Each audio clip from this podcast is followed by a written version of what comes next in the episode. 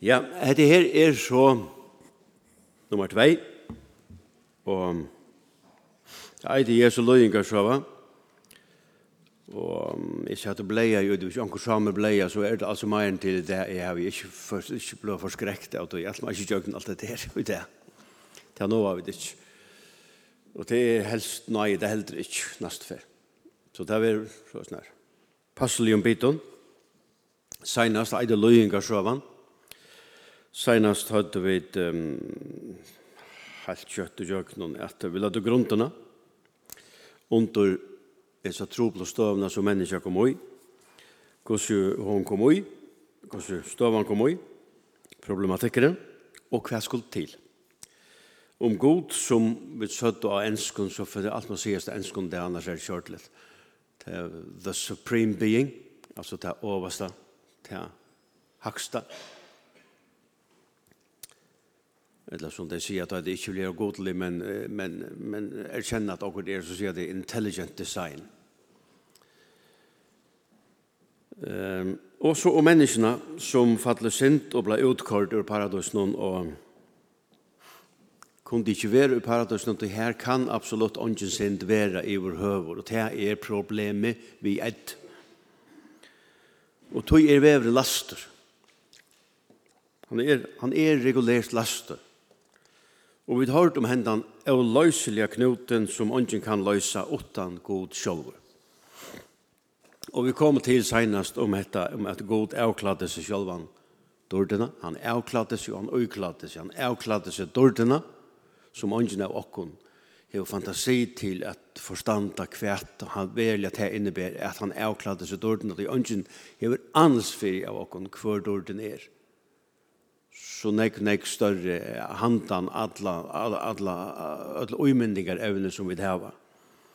Han avkladde seg til, og uikladde seg halt og blå, vi ötlun som te inneber Og vi pjøst ikkje fra langer enn til okkur sjálv. Så vita vi hva te inneber av vera halt og blå. Og så kommer vi til, jeg, jeg nevnte her, Jeg har ikke nevnt angsten. At uh, ta seg om en her, ta i akkurat det trobult, ordentlig trobult, så ta seg man om den gordiska knotene. Jeg har aldri nevnt det. Det er bare efter at det er så stått. Ja, det her gjør det går her, ja. Og til er en langre søva, det er ikke det, men bare helt stått hvor sier man til, tog det var en knoter som la av en i oksa kjerro, en av vogne og gjennom tempelet. Og tempelet var for i Saus høvskoden. Og hesen hei veri ogn tja Gordios konge, som var så større konger at han grunnleie ein boi, som kallast fyrir Gordion, etter grunnleggjerne, og han gjør det boien til Høvås boi, altså Høvås sted, og i gamla Frygia, som la her som Torskaland ligger. Og i det. og det ble høvestavur ut i frygiska røykjene. Og sagt var ui seg søgnene, som er nek større enn det som jeg sier i det, at uh, han som megna jeg løysa den gordiska knuten, han skulle råa i öllun Asia, størsta heimsparten av hjørne. Og i åren 334 og 6 at Alexander Mikle løste knuten, ikkje vi er liskan opp, giv onkel gamla utra man i her han Rodmond Jello eller onkel. Men han drog svör och kappa han helt. Men vi tar mer än Alexander Mikla. Men på samma måte, akkurat på samma måte, på en måte som i mynd eller fire mynd, som vi gordiska noen, så kan synda knoteren ikke lyskast opp. Han kunde ikke lyskast. Det, det finnes ingen sniggøtta inne i himmelen. himmelen. Kan ikke lyskast opp. Det måtte løyingarsøvan til Jesus som kulminerar vi at han blir hongt upp av krossen. Det må løyse, knutren måtte løysast ved løying og krossar krossarleia og oppreisn. Så det leier okkon til hese undervisningen nummer 2. In, uh, vi tar en intro som, som jeg kallar for føyingen. Hetta at god inntekke pallen tog det var nøyet. Knuteren var avløseligur, menneska kunde ikkje løysa han. Her var unge møvleik, hun var løst fast. Så god inntekke pallen og vi tar ståra pall som er romerska kongarudje, eller kajsararudje, romerske keisare Augustus, eit gods fudgjendalet verslet styre, som faktisk ræver, og det er ein, ein av løyingen noen eisne, han er å klæge seg dørdina, fer i hold og blå, inn under eit verslet styre, så at keisaren ræver iver the supreme being fra fyrstandøy. Og Arnan er kommet i heimen. Arnan er kommet ur mamsun, rævran ivor gode. Sjølvande lagt til rattes er god. Men de måtte loja romversk bå, og tog ble Jesus fødder i Bethlehem etter profetien. Og det er øyla viktig, det er ikke akkurat døm i eisen, det er øyla viktig at det som hender alle tøyene er etter profetien. Og etter tog som god er besagt. Og det blir hette at heimen skal skrivast i mantel. Og han som, han som blir portaleren inn i heimen er enda unga kvinnan, unga jentan som eitur Maria. Alt for ung, sikst, alt for ung. Eugift en ta, her man sa øyla strengt på det, nettopp av vera gifter, tro lova en mann som ikke skulle være papen. Hon skulle etter Moselov være steina, men Josef var heldigvis, og i Gazareo, heldigvis, ein gode mævur, og atla ikke skilja seg og lønt fra henne.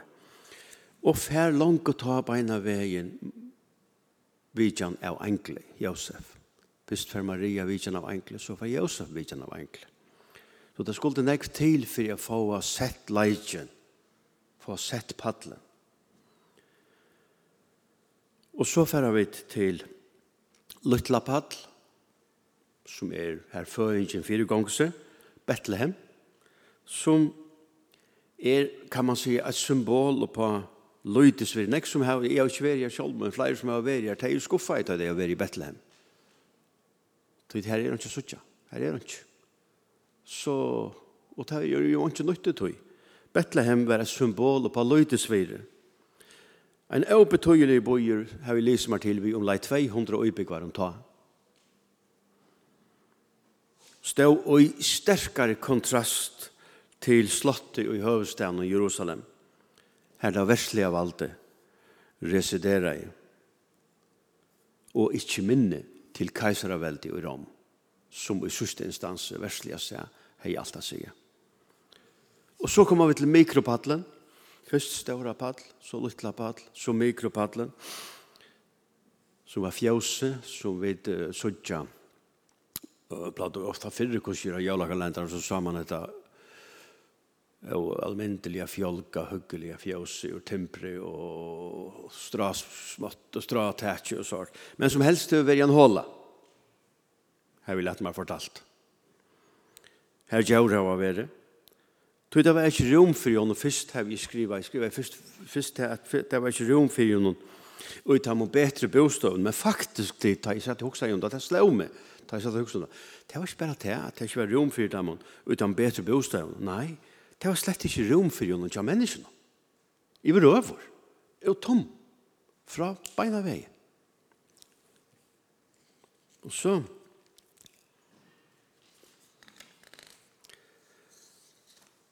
Så er det hiraner, som er det første, men eisen tar lakst. Og så er det vismennene, som kommer, som er larter og røyker, og som er intellektuelle.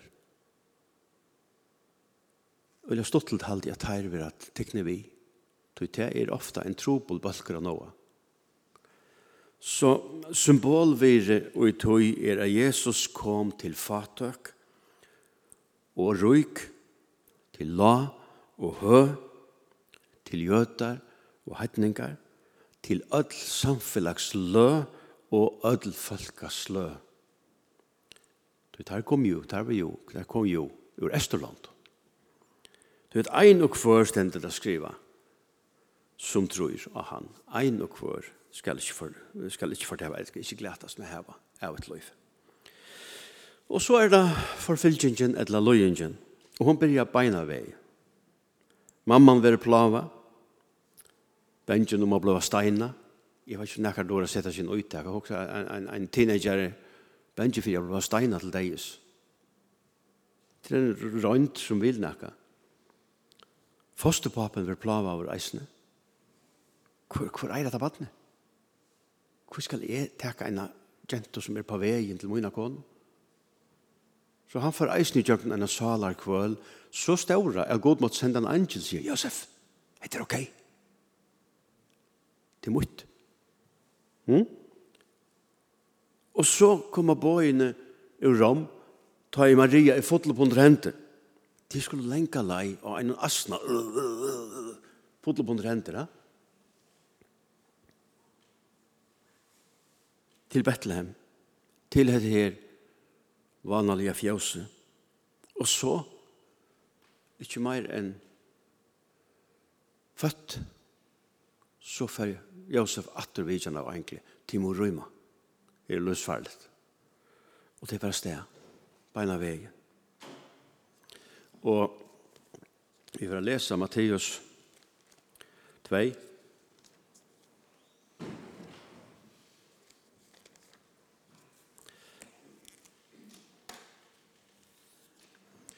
Matteus 2 og det er ørende 16 og ut. Da Herodes sa at han var svigen av vismannen, var han reilig ytler, og han sendte menn av sted og lett drepa ødel dronjabøten i Betlehem og alla steder her om veier, fra Tvaimon og Aron og nye etter. Etter tarretøy som han er finnes greie av av vismannen. Og ta tjekk det ut og tala er av Jeremia profetet, da han sier, Rødt var hård og i rama, Grater og enkan mykjel, rækkolt av vær, og i ombødnsunne græt, og ei hon vildi av treja latta, tog det er ikke til langer.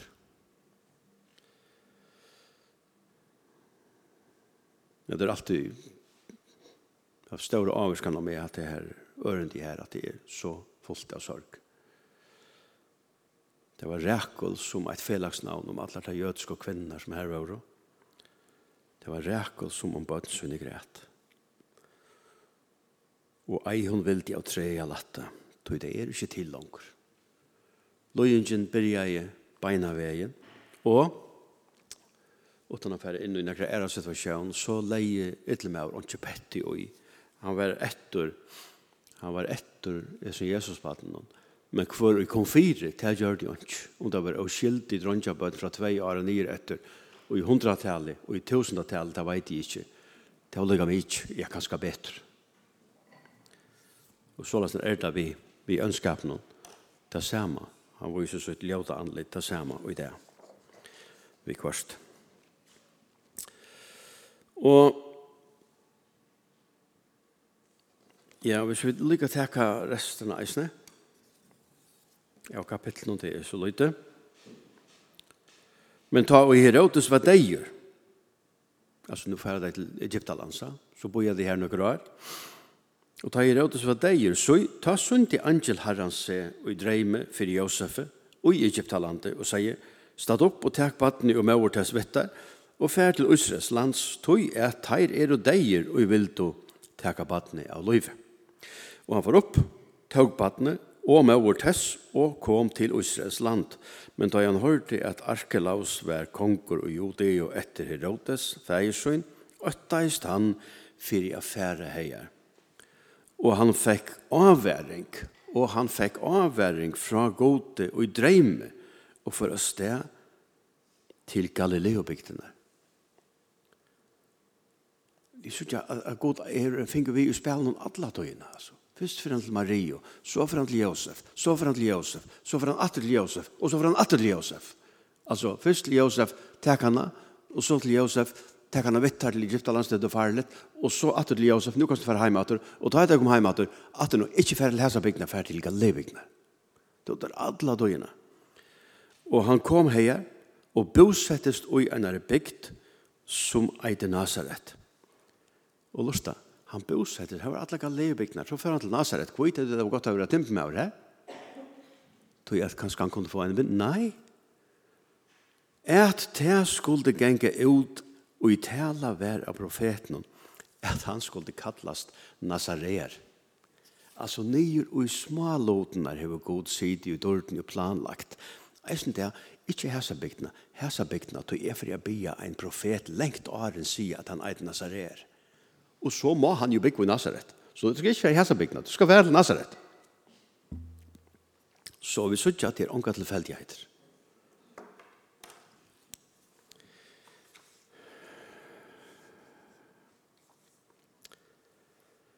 Og, og i Lukas 2, 51, stendur, og til, jeg vet ikke om Bjørsen, at de kunne lese det selv, 2, 51, det er tar han er sidevitamin intellektuelle her i templene, og og han sitter og tepper der, alle disse forslittende knok knokkene i, i Israels landet ta, som hadde lyst og studere fra tog at jeg var teenagere, tåra ina og låt alt, citera alt åttan et, så sette jeg sin tølvare gamle og sette jeg alle på plass.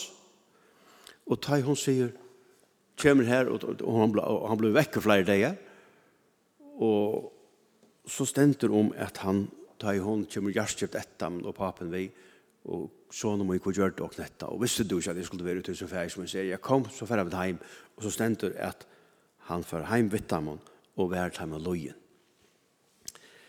Og, og, og den setningen er leip opp i høyde av meg.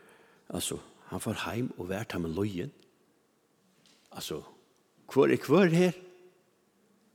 Altså, de var jo bare et pura vanligt ekta per som var lagt sosialt, og han var altså allheims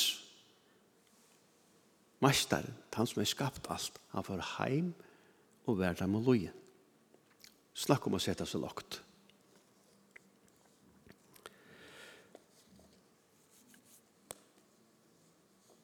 Og så legger vi merke til at ta jo sider i hålen her, og hirmennene koma, og vismennene koma, så enda kapitlen vi at og mauer hansara gømdi öll hesi år og hjarta. Og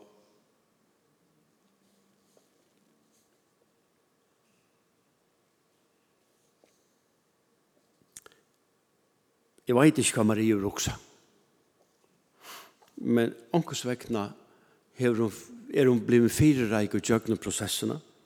Vi får tverferna stendet til at hun leie årene og grunda i om det, altså, og hjertasøgnen, hoksa i om det i hjertasøgnen. Alt det som hun sa og opplevde, det får inn, og hun hoksa i om det og i hjertasøgnen.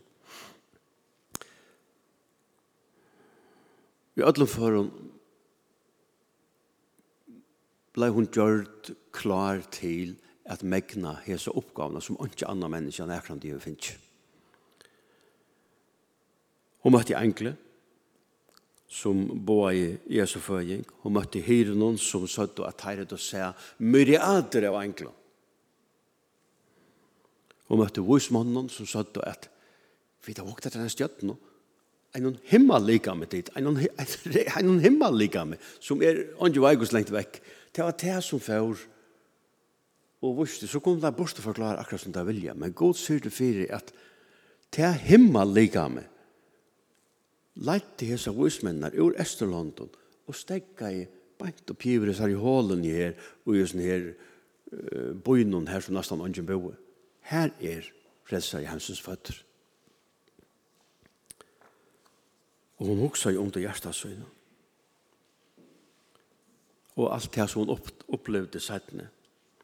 Hun leie seg ødles i år og gjeima og hoksa i om deg og hjertet. Og som Arne leie sa hun, hvordan god virka i, og hvordan god løst i hendan i gasar er jo gordiska knuten, etla vi kan kalla det for ellebita, som menneskene selv har vaft seg på i.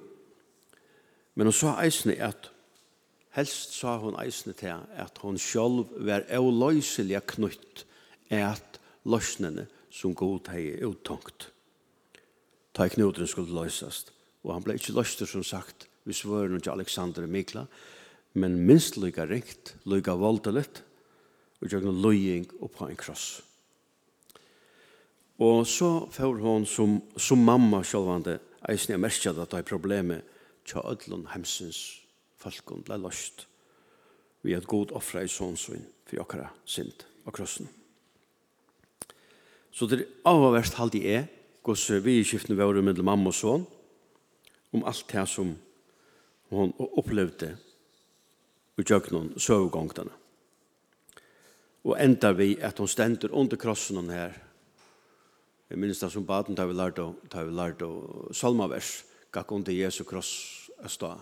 Minnes det enn og til er holdt trus år siden. Et loksa år. At han følte svør og brottsvom og, og droppsmannsknøyv og gjøknon hjertet at han stod her og sa sånne, henga her. Og kanskje skilte Maria ta jo stå og hugte etter sånn her, kvært hon var utvalgt til ta, jeg vet ikke.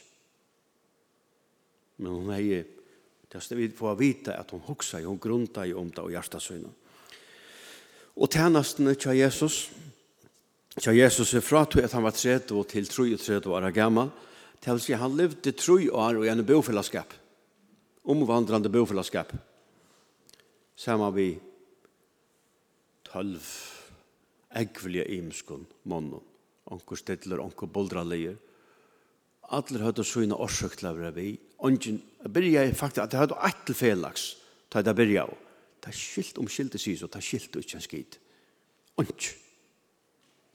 Men ta demra i så vi og vi som årene gjenko, og ta sjå og tingene. Men ikkje kjadlan. Der levde sammen, der boe sammen, der vandra sammen, der hadde felags økonomi, der auto sammen, der deilt og alt. Jeg helst ikke alt det blir stått litt. Og jeg tror jeg er. Og han levde sammen vi som mannen, og han visste at ta i det for at bliva kritisk, ta for at tvær tikkere så i kjemmet. Tveir av tolv for å svika med Jotas sveikan og Gjørdes Kjolmår. Peter sveikan, men kom atter. Og ta i avstå, ta rumt og atler, stendur. Ta rumt og atler. Peter tog brosa i opp og tog svøre, men så ta i tæn og heldig ikke var godt, og han sier, stikk svøre, så lyr han atter. Og grødde han atter, som han akkurat gikk på øyre av henne, så rymte han. Atler. Atler. Og så bare til daglige løyve med en der vandra rundt disse her 13 mennene. Og I Matteus 8, 19-20, her stender så løsner, og her kom en skriftlærd og sier via, Meistare, jeg vil fylke der hver du først. Alle stesser som du felt, det er fantastisk det som du gjørst. Jeg vil slippe å være vi. Det er ordentlig. Wow. Og det er spennende. Og Jesus sier vi igjen, revar eie håler, og reier eie himmelsens fukle. Men menneskesåneren eier ikkje det som han kan hatle høver sitt et. Og Han som åtte alt som skapte universet, som åtte alt som eies kan åtte og Snakk om kontrast. Herren iver ødlun universen. Han levde i en fatøk og bofellesskap, eller hva vi kallar det samme, vi avlarden, og månen, som var jeg lagt og rangstenen i samfunnet. Og vi tar oss om løying. Så er eit av treet som, som stender ut eisen som personlig løying, og til om Johannes. Johannes var kanskje han som skilte Jesus best så i Guds lampe, røpte jeg nå. Og da han ber han døypa, så sier han, jeg kan ikke døypa det, det er til som må døypa med. Men let der nå si at du så la snar, oppfylla vi skriften her, ok. Ok. Og så vil Johannes tidsen, tog han sier til han som rett er, vi, han var akkurat som Jesus på en måte. Han legger ikke uikosta framfor nå. Han sier til han som han heier sier, og han har sagt dette, vi kongen med en drottningen hørte til livet sint. Så blir han tidsen. Og kjenner søvnene og jentene som danser og alt det. Og han stender ta i ta i ta kom det her til at han sendte på kongren altså og let holdsøkka Johannes og i fenga husene og vær kom vi hødde i hans herre av en og fæte og så var det finnes jentene og hun bær mammen i det Og lærersvenner hans har kommet og tog og lojtje og gjør av det. Og der kom og sødde Jesus ifra. Men da Jesus hørte til, før han vi bate, bostor, heiane, og i ein øyeste, for seg selv. Hvor? Tog jeg Jesus elsker i Johannes. Det var personlig sorg, personlig lojeng, ta skilt og hva annan det var familie, det var kjøtelige slekteier, det var andalige slekteier. Det visste du. Og som ommelde, attan av Johannes, sier ånden minni enn Jesus, at det er ånden av kvinne og barnen er ånden større enn Johannes. Kjellmenn, samstarsmenn, bager, oddvitar og i Guds ars atlan vi menneskene. Johannes bøtte ved løyvnen som Jesus nettopp visste at han kjøtt skuld. Eisen. Kanskje kom det øyla nær ta, ta Johannes bøtte ved løyvnen. Og Jesus visste at han skal i eisen. Selv om visste han til at det var tog han var kommet. Først og fyrir møtte og spalte boren og i løyvnen av Elisabeth, mammene. Tja Johannes, ja. Nå skilte degen, Og Jesus fører for seg selv han sier ikke. Men han visste at kjøtt skulle vi bare sørge statte, men han visste eisene at leien heier blir trång. Så kommer vi til sjølva løyingene. Og ta innsetter han breibre. Nå har vi breibrødning om han har løtt og det er til minnes om alt dette som vi har framme i disse dagene og, og, jeg håper at vi, vi lover noen nær hese dagene. Vi fragrensene, vi søvende om det som er leif i okken. Og så tar vi minnast at han leser et lov for meg. For meg.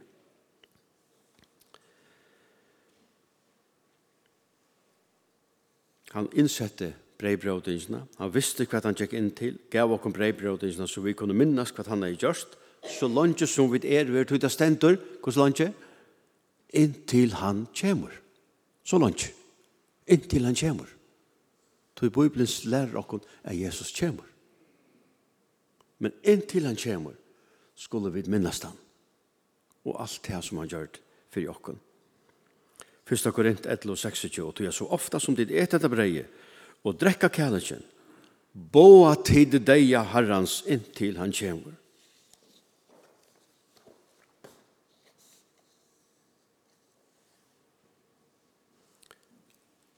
Tid sida einar fra træt, han kjemur. Anten så eller så, anten personliga, vi deia, ein og ein, etla felaks, som tjóra nått, som er snarlig hos skudgene, da han teker alt søgn i heim. Og ta litt å diskutere. Ta litt å si jamen. Ta er det vi eller ikke vi. Så sørger vi svitje tja jodas vi omtala. Og her stender så en, en, en, en En så sterk åring som jeg ofte har stegget vi, er stendur, men sat, altså dette leser jeg direkte ur Lukas 22-3, men satan får ui Judas, som kallar var Iskariot, og var ein ui tale tar og tølv. Han var ein av innerkrestnen, ein som Jesus er fyrst vi i tru år, ein ur bofellesskapen, ein som Jesus hei dagligt samle vi. Og helst til Jesus falt at nu norskast. Løyingen herrene, så fyrir han i Getsemane, og det er ikke bare løsning til det som stegger vi. Så kommer vi til Getsemane, og her er det i Matteus 26, 23 til 38, og han gjørtest syrkjen og tåg så Sara at kvoja. Ta sier han vettar, salmoin er sorgarbonden, heilt til deia. Veri her og vekje vi meg. Og så eskalera det, og i Lukas 22, 44, og ta i han vær, og i deia engest. Be han enn mer atralia, og svett i hans var rett som blåstråpar som fått la og vi da ødelig ikke at det er nekva fyrir. Svett i hans var rett som blåstråpar som fått la gjørna. Så det forteller dere at det var dere helt særlig, dere ekstremt av vase. Tog bæg åren Jesus og atan Jesus er fulgt dem til deg og i tusenda, tusenda tale. Men ånden som han, som Jesus, som ikke bæra, og det visste han eisne, som ikke bæra skulle dodja en fysisk han deg, han skulle bæra alla hemsens synd. Han skulle identifiserast vi synd og skiljast fra gode fægirna. God mun, god mun, kvi først du fra meg. Ta stendra, ta stendra, og så negva, er svarten ved ratt som blåstråpar. Og jeg har ofte hokst om det, og jeg har som så ikke, nå får jeg lese sin rundt, og det har faktisk et navn. Det er et navn til som at, at svarta, at han svarta i blådråpa, det eitur hematidrosis, og det er ikke først. Hematidrosis, det er upprunnelige grikst, og det mestjur det er deilig de helt, hema og drosis, og det merker blå og svarte. Og årsøk til det, og det er kjent firebrygte, det er akutt rassla og stress. Og det kommer leser jeg, altså endrer vi nettet. Det kommer oftast fra anlitene, oftast fra pannene, men eisene vi neglene rundt om her, rundt om nalvan og bøtjen her, og er stande vi. Og her er trett kan nesa blå komme av slik presse, og blå og i